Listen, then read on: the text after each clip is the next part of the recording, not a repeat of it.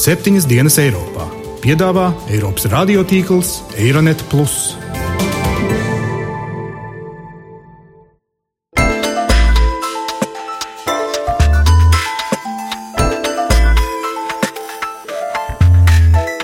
Šonadēļ septiņas dienas Eiropā dzirdēsim, ko mēs paši gribam ar šo te visu panākt. Alla finale europea dei concorsi della canzone. Viņi strādāja uz uzvaru un arī uzvarēja. Par to runā visa pasaule.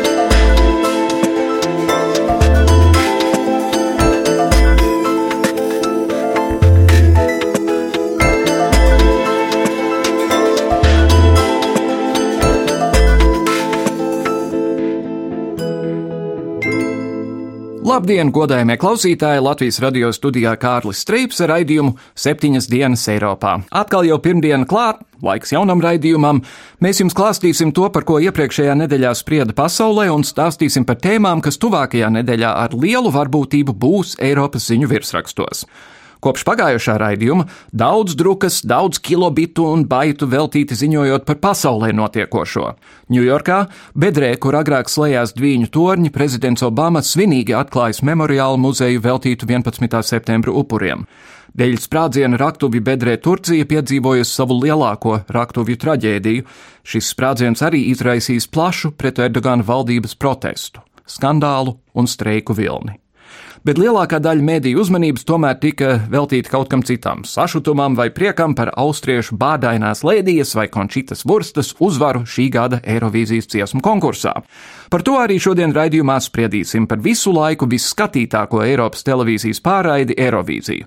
Kāda ir šī konkursa loma Eiropas multikulturālā tēla veidošanā? Bet vispirms manu kolēģu Mājas Surskas un Gita Siliņas sagatavotais aizgājušās nedēļas notikumu atskats. Jaunā nedēļa sākās ar jauniem izaicinājumiem, gatavojoties Ukrainas prezidenta vēlēšanām. Tās notiks jau šosvētdien, un pirmo reizi Ukrainas vēsturē visdrīzāk nebūs iespējams noturēt visos valsts reģionos. Pēc 11. maijā aizvadītā referenduma par reģiona pašnoteikšanos separātistu sagrābtās Luganskas un Doņetskas republikas aizvadītajā nedēļā pasludināja suverenitāti, un pēdējā arī lūdza Krieviju viņus uzņemt federācijas sastāvā. Kieva un Rietumi referendumus vairāk kārt nosaukuši par nelikumīgiem un masticamiem. Britu mēdījis Independent pēc visu balsojumu rezultātu apkopošanas izskaidrojas, ka saskaņā ar separātistu nosauktajiem skaitļiem Doņetskas apgabalā vien šajā balsojumā piedalījušies 100,63% apgabala iedzīvotāju. Balsojumi Eirovīzijas dziesmu konkursā bija daudz ticamāki, un tiem bija lielāks svars. Pēc Eiropas Savienības ārlietu ministru sanāksmes Briselē viedokli par referendumu pauda Lielbritānijas ārlietu ministrs Viljams Heiks. Reaģējot uz aizvadīto referendumu, Heiks ar saviem kolēģiem Savienības ārlietu ministriem sanāksmē Briselē nolēma vēl par 13 cilvēkiem un diviem uzņēmumiem paplašināt pret Krieviju vērsto sankciju sarakstu. Uzsverot, ka Doņetskas un Luganskas apgabali ir vairāk piederīgi Krievijai, nevis Ukrainai, abu separātisko apgabalu pašpasludinātās amatpersonas ir paziņojušas, ka kontrolē visus viņu reģionos izvietotos vēlēšanu iecirkņus. Turklāt pie viņiem balsošanu šo svētdienu gaidāmajās Ukrainas prezidenta vēlēšanās rīkot neļaus. Ukrainas centrālās vēlēšana komisijas vadītājs Mihailo Ohendovskis paziņojis, ka līdz ar to gaidāmās prezidenta vēlēšanas būs bezprecedenta. Mēs nekad nedomājam, ka viss nonāks līdz tādam līmenim, kad mēs nevarēsim organizēt vēlēšanu komisijas visos 225 teritoriālajos reģionos. Lai gan šāda situācija ir nebijusi, Ukrainas likumi ļauj pasludināt prezidentu arī bez visu reģionu dalības vēlēšanās. Tikmēr ārpus Ukrainas notikumu virpuļa Eiropas Savienības augstākā tiesa aizvadītajā nedēļā deva zaļo gaismu tā devētajām cilvēka tiesībām tikt aizmirstam digitālajā vidē. Atbalstot kāda Spānijas pilsoņa prasību par privātās dzīves neaizskaramību internetā, tiesa noteica, ka individiem ir tiesības no ASV interneta giganta Google prasīt pilnībā dzēst savus personiskos datus no interneta, ja dati kļūst novecojuši vai ir neprecīzi.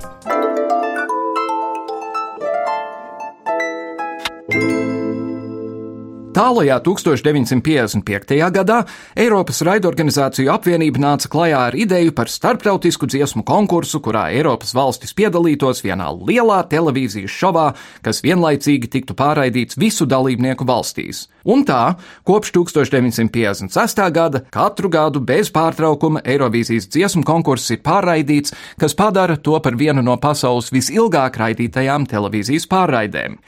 2005. gadā, svinot Eirovīzijas 50. jubileju, skatītāji atzina grupas aba dziesmu Waterloo kā visu laiku labāko Eirovīzijas dziesmu.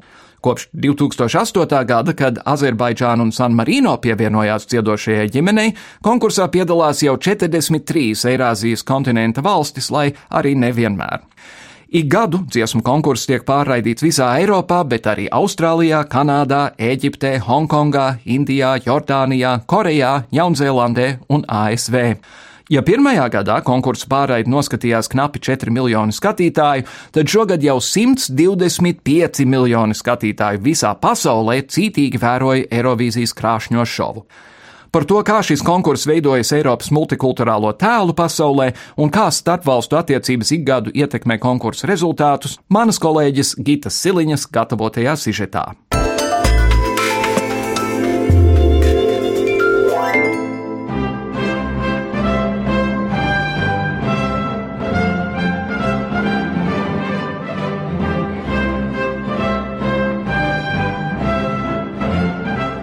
Buonasera.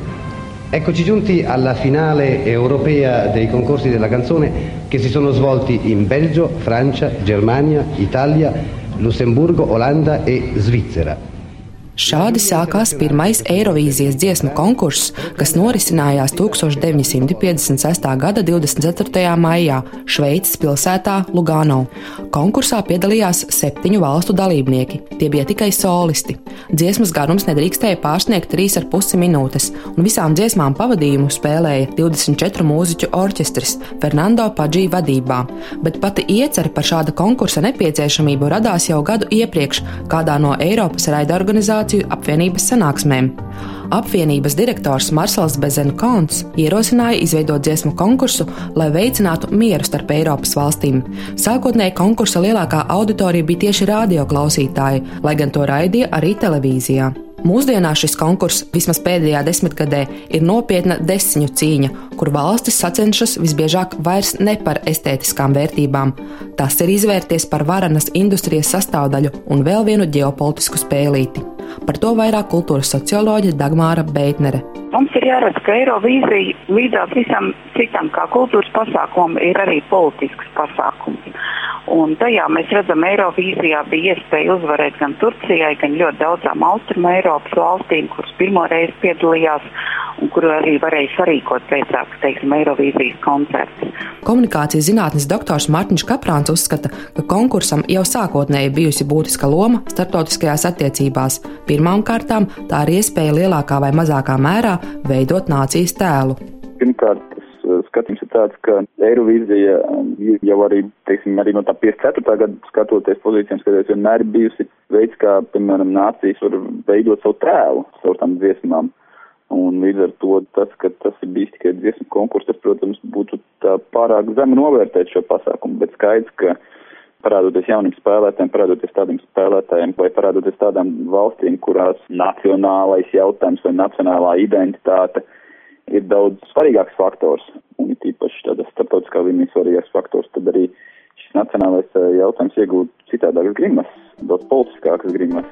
Savukārt Dagmāra Beitnere norāda, ka pie mums Latvijā šim konkursam tiek pievērsta lieka un pārāk liela uzmanība. Vajag atcerēties arī, ka tā ir tomēr populāra māksla, kas arī strādā ar industrijas ieju savai nozarei, un industrijas strādā ar pārsteigumu, ar novitāti.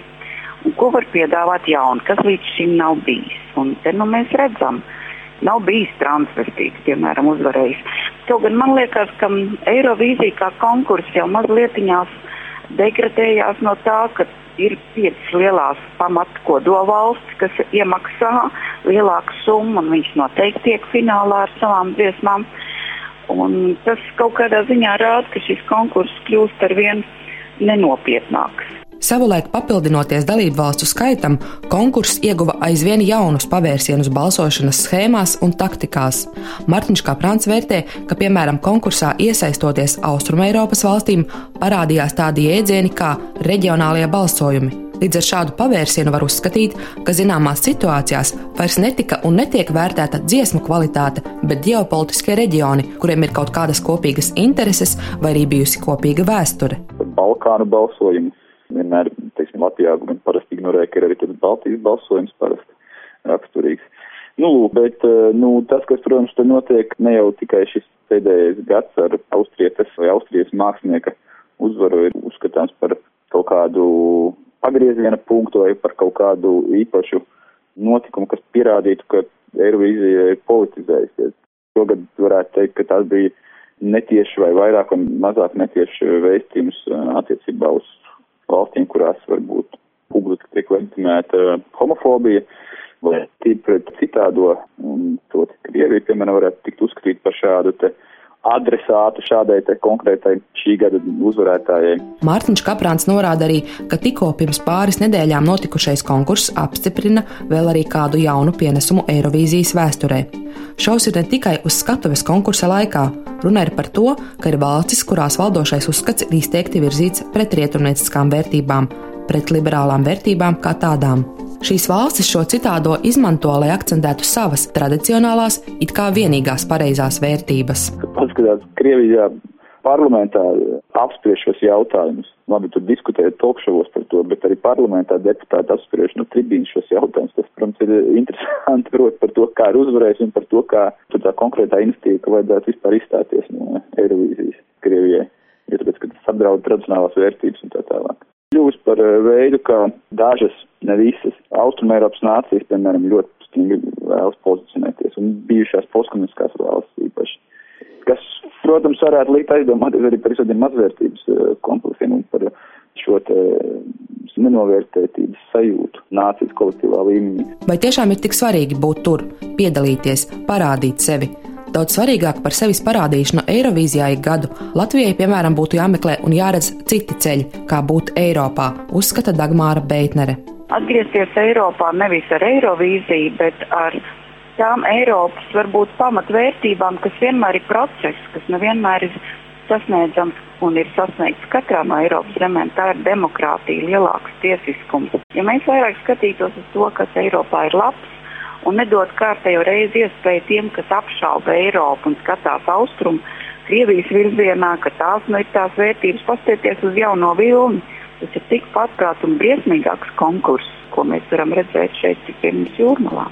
Eirovīzijas konkursa loma tiešām ir pārvērtēta dažādos līmeņos, bet nav pazīmju, ka tuvākā nākotnē tas varētu nozust no skatuves. Varbūt vien piedzīvot atkal ko tādu, kas atkal mēģinātu pārsteigt vai satriekt. Mārtiņš Kaprāns norāda, ka daudzo konkursu pastāvēšanas gadu laikā piedzīvoti pat mākslinieciski protesti pret pašu konkursu. Kādus sešus, septiņus, kad, kad Lorda uzvarēja Somu grupa, ja nu To taču arī var eh, pilnīgi absolūti uzskatīt kā subversiju, kā absolūtu, varbūt vairāk ne tik daudz politiski, bet kā mākslinieci protestu pret pašu Eirovīziju. Ja. Šāda veida protesti parādās tieši pēdējā desmitgadē, kas liecina par to, ka pats tas koncepts Eirovīzijas ir problemātisks kļuvis, jo Eirovīzija kļūst par plātsdarbu dažādiem eh, vēstījumiem. Bet eh, tai pašā brīdī, es domāju, tā ģenerālā līnija, tā vispārējā līnija, kur sāsināsies, bet ir saglabājusies proti, ka tas ir veids, kā Eiropas nācijas šajā gadījumā sevi prezentē kaut kādā starptautiskā telpā caur šo kultūras pasākumu. Tā kā restīvi ir kaut kas saglabājies, bet ir noteikti nācis klāt, un tas ir nācis klāt šis ideoloģiskais un politiskais aspekts. Par Eiropu, Eirovīziju, dziesmām un aizkulisku politiku uz sarunu esam aicinājuši divus bijušos Eirovīzijas dalībniekus. Valters Friedenbergs kopā ar Kārli Būmeisteru savulaik guva augsto piekto vietu, un Katrīna Dimanta nu pat piedalījās ārzemnieku priekšnesumā, kas savā pusfinālā palika 13. vietā. Labdien jums abiem! Labdien!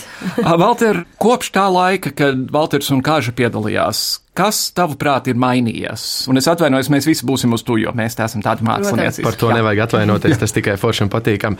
Man ir grūti spriest, kas ir uz vietas mainījies, jo tajā laikā mēs tur bijām visas divas nedēļas, tāpat kā šogad Katrīna ar ārzemniekiem. Iekšēji, nu tad mēs varam aprunāties kaut Jā. kā, kas ir mainījies, kas bija mūsu laikā un kas ir tagad, bet ārēji. Nu, jāsaka, tās pašas lietas, par kurām mēs runājam katru gadu ir pienākušas vairākas valstis klāt, ir izveidojušies vairāki bloki, nu, piemēram, kā mums Baltija, mūsu reģions, Ziemeļi, Vecā Eiropa, nu, protams, arī bijušās ja, Dienvidslāvijas republikas. Un, tas, tas, tā. tas nemainīsies, jā, bet tās ir lietas, kas ir nu, kļuvušas daudz apspriestākas, un Kārli pats par tām runā katru gadu, arī postojot dažādos sociālos tīklos, par to runā visa pasaule. Nevelti ievies arī žūrijas balsojumu ar domu, ka varbūt mēs to nedaudz izšķirsim un uztaisīja pusfinālus. Un tas strāvojums jau iet jau ilgus gadus, un, un nu, tas man šķiet paliek arvien spēcīgāks. Savukārt eh, ārzemniekiem šī bija vienkārši ideāla iespēja parādīties milzīgas publikas priekšā. Kā tur gāja? Nu, gāja ļoti labi. Tā komanda, kas tur uz vietas, tas neiedomājams profesionālisms, ko vispār citur pasaulē īsti nevar redzēt. Kaut vai tas, ka pēc tam finālā skatoties, sēdējām diezgan tuvu skatuvēju, un tu pat netik daudz baudi to šovu un priekšnesumus, kā to, kā cilvēki strādā pa vidu tiem. Pieņemsim, Dānijai viņa priekšnesumā fonā bija milzīgs karoks, un viņš nenokrita. Viņiem pat tām 35 sekundēm bija jāapspēj novākt karogu un visu, un viņi saprot, ka nebūs. Viņi vienkārši palaiž ēterā kaut ko pilnīgi citu. Nu, tas viss tur ir tā izdomāts, ka ļoti liels foršs sastrādāties cilvēkiem. Arī, kad mēs, mēs uzstājāmies un mūsu dziesmu dziedāja pilnīgi visa zāle. Tas bija kaut kāds milzīgs koris dziesmu svētki. Man bija tā, ka mēs diemžēl nedzirdējām, jo mums ausīs tie monitori, bet, ja nebūtu monitori, mēs vienkārši nevarētu vispār neko dzirdēt. Un jā, bet es skatos zālē, tu redz, ka pilnīgi visi dzied, viņi dzied līdz tos vārdus. Un, ja galvenie režisori nāk klāt pie mūsu Zits Kaminskis un saka viņai, kas notiek zālē, kas tas ir, kāpēc visi zin šo dziesmu un dzied. Un, Nu, fantastiski sajūta vispār tur bija. Es domāju, ka mums gāja labi arī ar to pašu, ka mums tā 13. vieta, bet sajūtas ir nenovērtējami labas un nav nožēlas vai sliktu lietu. Tas ir tikai pozitīvs. Valter, vai tavuprāt, tā pusfināla sistēma ir sevi pierādījusi? Nē. Pilnīgi noteikti nē. Tāpat tu nevari izšķirt visus kaimiņus. Nu, nekādi. Arī mums sanāk, jūsu pusfinālā bija arī Igauni, bija Krievi. Nu, tāpat tas ir reģions. Nu, un arī visām pārējām valstīm. Nu, to politisko balsojumu mēs nevaram izšķirt. Vai vajag pusfinālus? Es domāju, ka jā, citādāk tas fināls ievilktos ārprātīgi garš. Nu, neviens nenosēdētu sešas stundas pie televizora un neizsakot visam līdzi. Lai Tādā... pirms tam bija tā, ka tās valstis, kurām vissliktāk gāja iepriekšējā gadā, vienkārši nesaņēma ielūgumu. Tad, kad Marija Nalmova brauc, tas bija tikai tāpēc, ka Portugāla pēdējā brīdī atteicās. Tieši tā, un tas mums noveicās nenormāli tajā gadā. Un paldies Portugālei par to. Bet jā, tur atkal būtu nu, pavisam cita sistēma un nevarētu piedalīties tās valstis, kuras tiešām to vēlas. Lai arī šogad bija daudz mazāks skaits, bet nu, pusfināla sistēma vismaz tādā, tādā ziņā, ka var piedalīties daudz vairāk dalībvalsts un parādīt sevi, parādīt savu dziesmu, nu, iepazīstināt sevi ar Eiropu. Savukārt, kā jūs abi skatāties uz to žūrijas dalību? Es esmu lasījis, ka Končīta būtu uzvarējusi arī tikai tad, ja būtu bijis telefona balsojums un nebūtu bijis, bet savukārt Latvijā, ja es pareizi saprotu, kārtējo reizi Latvijas iedzīvotāji nobalsoja par Krievijas dziesmu, bet Jā. žūrija ielika ļoti zemu atzīmi un līdz ar to Krievija dabūja tikai divus punktus no Latvijas. Jā. Es biju ļoti priecīga, ka Latvija iedeva 6 punktus končitai. Tas man likās interesanti. Un vairāk pārsteigts bija par Lietuvu, ka iedeva 10 un Igauniju, man liekas, 12. Un tas bija daudz, bija šokā par to, bet tas jau, man liekas, tikai pozitīvi. Viņš ļoti spēcīgi dzied, un tas, ko viņš dara skatos, viņam skatu bija neiedomājami fantastiski arī uz vietas sēžot. Televīzijā jau nevar redzēt, tur viss, viss, viss tā siena aiz tās skatos bija visādām lietām, tur krāsām, nu katram tam priekšnesumam, un končitai ritī tur gāja tās uguns un viss. Un Viņi strādāja uz uzvaru un arī uzvarēja. Bija interesanti lieta, ko bija šogad arī Dāņi paši ielikuši savā mājaslapā, proti, pēdējo piecu gadu top trīnieks pēc tikai skatītājiem un kopējais kopvērtējums, kāds bija kopā ar žūriju. Nu, tur atšķīrās, viens gads bija pilnīgi identisks, un jā, pārējos to, gados jā. atšķīrās tikai viens, viena valsts, kas tur ir iekļuvusi, nu, tāpēc, ka ir bijusi arī žūrija. Es domāju, ka žūrija nav tā, kas simtprocentīgi ietekmē, nu, tagad tas uzvarēs un tas neuzvarēs. Labi, cik... Tomēr skatītāji. Ne, skatītāji ir tas bet man liekas, ka viņi varētu atstāt to žūriju, bet nelikt pusi uz pusi, kaut kā savādāk to dalījumu vai kaut kas tāds, bet gan jau tas beigas sarežģīti. Jā, ja es pareizi saprotu, iemesls, kāpēc to žūriju ieviesa, bija specifiski tas geogrāfiskais balsojums, jā. to kaut kādā veidā Tieši mēģināt tā. mīkstināt. Tieši tā. Nu, jā. Vai tevi nācies nožēlot, ka tu teici, ka Končītas priekšnesuma laikā bērniem vajag istabu pamest. Man nebija jānožēlo tieši otrādi. Bija viena dāma, kas teica, zini, man mazais sāk uzdot jautājumus, un es nezinu, ko viņam teikt. Es, saku, nu, es par to brīdināju, jo būs tādi jautājumi. Vienkārši tajā brīdī vecākiem ir jāpadomā, kā viņi izstāstīs mazajam, kāpēc cilvēks, kurš izskatās pēc sievietes, kāpēc viņai ir bārda mamma, kāpēc tev nav bārda? Kāpēc kāpēc, kleitā, jā, jā, kāpēc tētis nevēl kleitu? Vienkārši tajā brīdī es gribēju to, lai vecāki aizdomājas, kā viņi paskaidro saviem bērniem, kas tas ir, ja viņi pirms tam nav runājuši. Tīri vienkārši psiholoģiski, lai mazais saprot, nu kas tas tāds ir, kāpēc tas izskatās tā, kā tas izskatās, šis priekšnesums viss kopā. Un nē, nožēlot pilnīgi nē, pilnīgi nē. Jo nu, kā, nu, vecāki ir viena ļoti, ļoti liela daļa, īstenībā pat lielākā daļa līdz nu, kaut kādam bērnu dārza vecumam, un, protams, arī skolas pirmie gadi. Nu, audzina to bērnu par tādu, kāds viņš kļūs pieaudzis. Un, ja mēs mākam izstāstīt un toleranti paskaidrot, kāpēc ir tā, kā ir, tad uh, pats tas bērns būs tikai uh, pēc tam laimīgāks, jo viņam nebūs tik daudz aizspriedumu. Ja mm. mēs mhm. par to nerunāsim, tad nu, radīsies šie aizspriedumi. Jo bērniem arī var būt jautājumi, teiksim, īpaši no Kaukāza mēdz sūtīt ļoti seksapīlas sievietes ar dziļu dekoletē un tā tālāk, kas arī varētu būt piedāvāts. Arī po, pie, precīzi polija šogad. Jā. Katru gadu pēdējo gadu laikā, pēc tam, kad kāds aizbrauc uz pusfināliem un nekas nesenāk, Latvijā sāk skanēt balsis, ka vajadzētu varbūt kādu laiku atturēties no konkursa. Man personīgi liekas, ka ļaut vienam priekšnesumam reizi gadā tikt uz miljoniem un miljoniem un miljoniem un miljoniem skatītāju ir vērtīgs pats par sevi. Kā jūs abi uz to skatāties? Ziniet, kā šogad man liekas, ka mēs ļoti labi parādījām Latviju, un tieši tas, ka tā interese ļoti liela un augsta par Latviju tagad Tas ir ļoti atkarīgs no dziesmas un visa, ko mēs aizsūtām. Kā mēs zinām, Latvijā mums diezgan interesanti iet tiem balsojumiem. Es biju šokā, ka mēs braucām. Daudz bija šokā. es domāju, jā, nu. es domāju gan viss. Bet nu, tas, ka šogad mums sanāca, mēs parādījām labi, citreiz nesanāk līdz galam, un tad tā valsts, tā kā, es nevaru teikt zaudē tēlu, bet nav tik interesanti. Bet tagad nu, nopietni cilvēki vēl, protams, raksta, tur visi grib braukt uz šejienu vai aicina ciemos. Man ir kaut kāda uzaicinājuma no pavāršoviem Lielbritānijā. no pavāršoviem?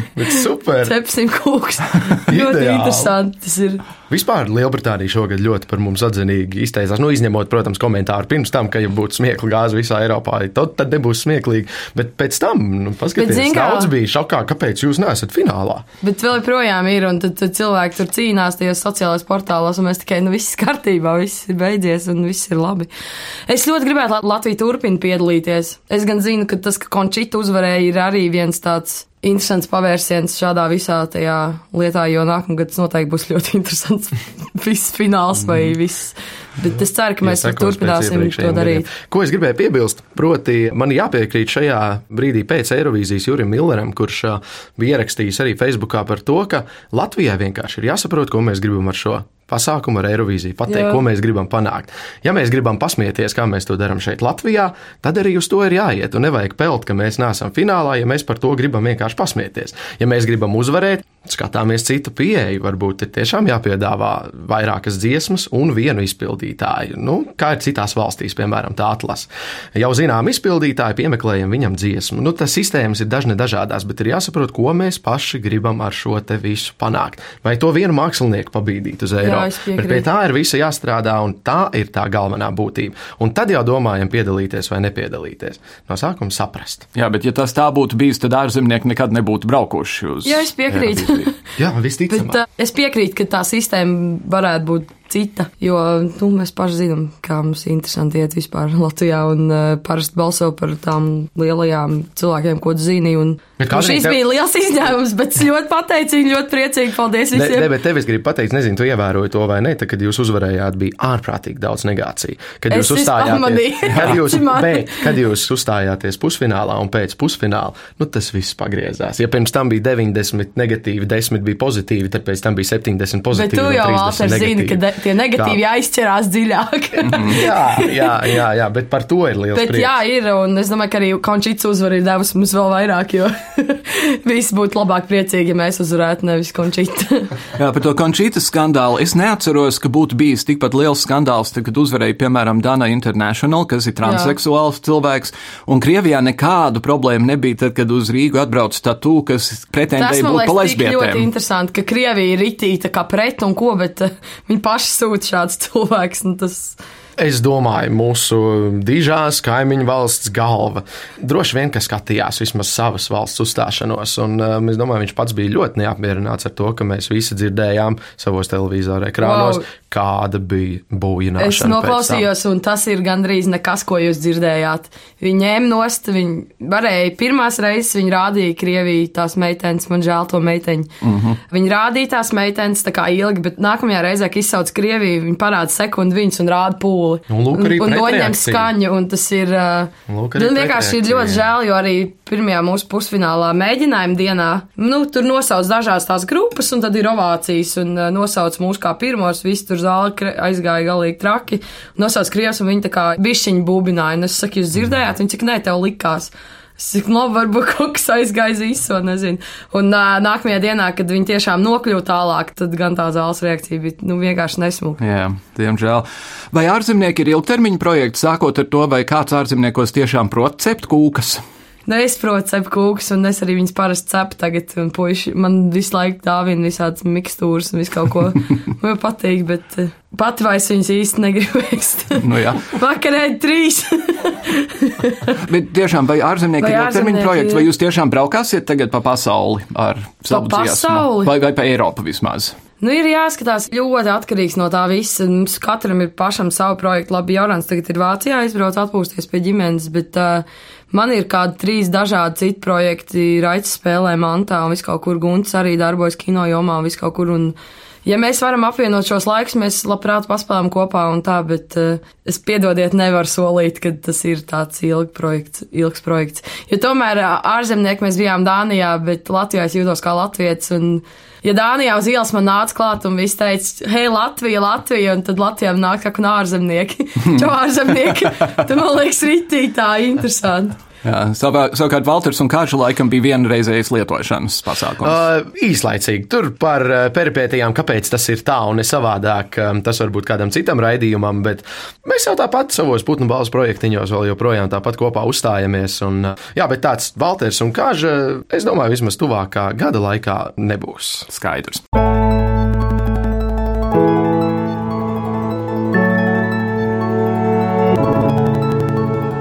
Kā vienmēr mēs mūsu viesiem jautājam, par ko būtu jādomā nākamnedēļ Eiropā cilvēkiem. Par ko ir jādomā? Īstenībā pilnīgi noteikti ir jāizdomājās par to, kurus no Latvijas mēs sūtīsim jaunajā sasaukumā. Par to, es domāju, vēl diskutēs. Eirovīzijā vai Eiropas parlamentā? Eiropas parlamentā šajā gadījumā. Par Eirovīziju, jā, par Eirovīziju mēs domāsim kādu divus mēnešus pirms Latvijas atlases labākajā gadījumā.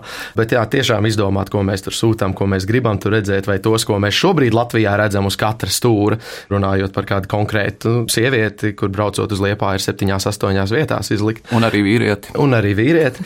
Vai, Tagad vai, viņiem ir bārds. Vai to, vai tomēr skatīties pēc analītiskām diskusijām, kur arī parādās Jā. šī kandidāta mm -hmm. profesionālās iezīmes. Tas, ko teica arī par Eirvīziju, ka mums ir jādomā, ko mēs gribam un ko mums vajag. Un cerams, ka mums visiem kopā izdosies un mēs to labi visi kopā. Tieši tā, tieši tā. Valters Friedenbergs un Katrīna Dimanta. Paldies jums abiem par sarunu un lai veicas tālākajā muzicēšanā. Paldies! Paldies.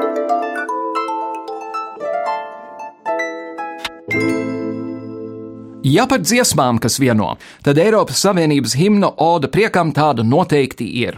Tās pirmā pantā izskan šādi vārdi: Tava vara atkal vieno, kaut gan daudz kas šķīra mūs, un zem taviem spārniem platiem visi ļaudis brāļi būs. Arī raidījums septiņas dienas Eiropā starp ļaudīm meklē sev brāļus un māsas, visus, kam rūp vienota nākotne, gan nākamajās septiņās dienās, gan nākamajos septiņos gados. Par aktuālo Latvijā, Eiropā un pasaulē tuvākās septiņās dienās Latvijas Universitātes docents un politologs Ivars Ījaps. Latvijā droši vien no tādas formālās politikas viedokļa raugoties, nozīmīgākais notikums tomēr būs Eiropas parlamenta vēlēšanas, kur tad mēs varēsim nodot savus balsis par visiem tiem sarakstiem, ko nu mums cels priekšā 24. datumā, un, protams, ka tas arī atstās iespaidu uz publisko telpu, būs debates, būs visāda veida iniciatīvas, lai politiķi parādītu sevi. Droši vien, ka būs neviena viena arī politiķu vizīte pa reģioniem, kur, tā teikt, tīrie Baltie kungi būs uh, izdomājuši apmeklēt arī kādas tādas Latvijas vietas, kur viņiem ikdienā neiznāk nokļūt. Un um, līdz ar to nu, tā priekšvēlēšana atmosfēra, protams, būs jūtama. Es domāju, ka tas nav tāds notikums, kas kaut kā ļoti būtiski varētu ietekmēt Latvijas nākotni, jo mēs visi labi zinām, ka nu, Eiropas parlamenta mandāti patiesībā ir vairāk tādas ceļzīmes uz kurortu uz pieciem gadiem. Un um, līdz ar to nu, Eiropas parlamenta loma lēmumu pieņemšanā tomēr ir un paliek diezgan ierobežot. Bet skaidrs, ka Latvijā šis notikums ir iegūst tādu neparastu lielu vērienu, tāpēc, ka mums uz šiem amatiem kandidē tāda līmeņa politiķi, kāda Eiropas pārējās valstīs lielākoties nenolaižās līdz Eiropas parlamentam. Ar to arī izskan šīs nedēļas raidījums septiņas dienas Eiropā. Ļoti noteikti turpināsim piedalīties Eirovīzijā, un ļoti noteikti sekosim Waltera Friedenberga teiktajam par to, ka mums ir ļoti, ļoti rūpīgi jādomā, par ko mēs balsosim Eiropas parlamenta vēlēšanās. Līdz nākamajai nedēļai, dāmas un kungi, visu labu!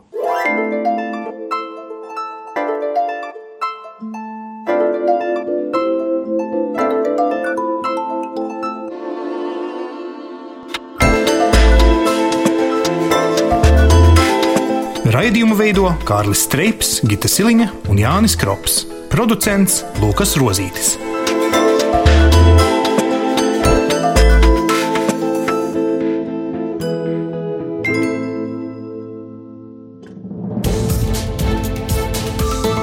Visus Eironet plus sižetus un raidījumus meklējiet Latvijas radio mājaslapā.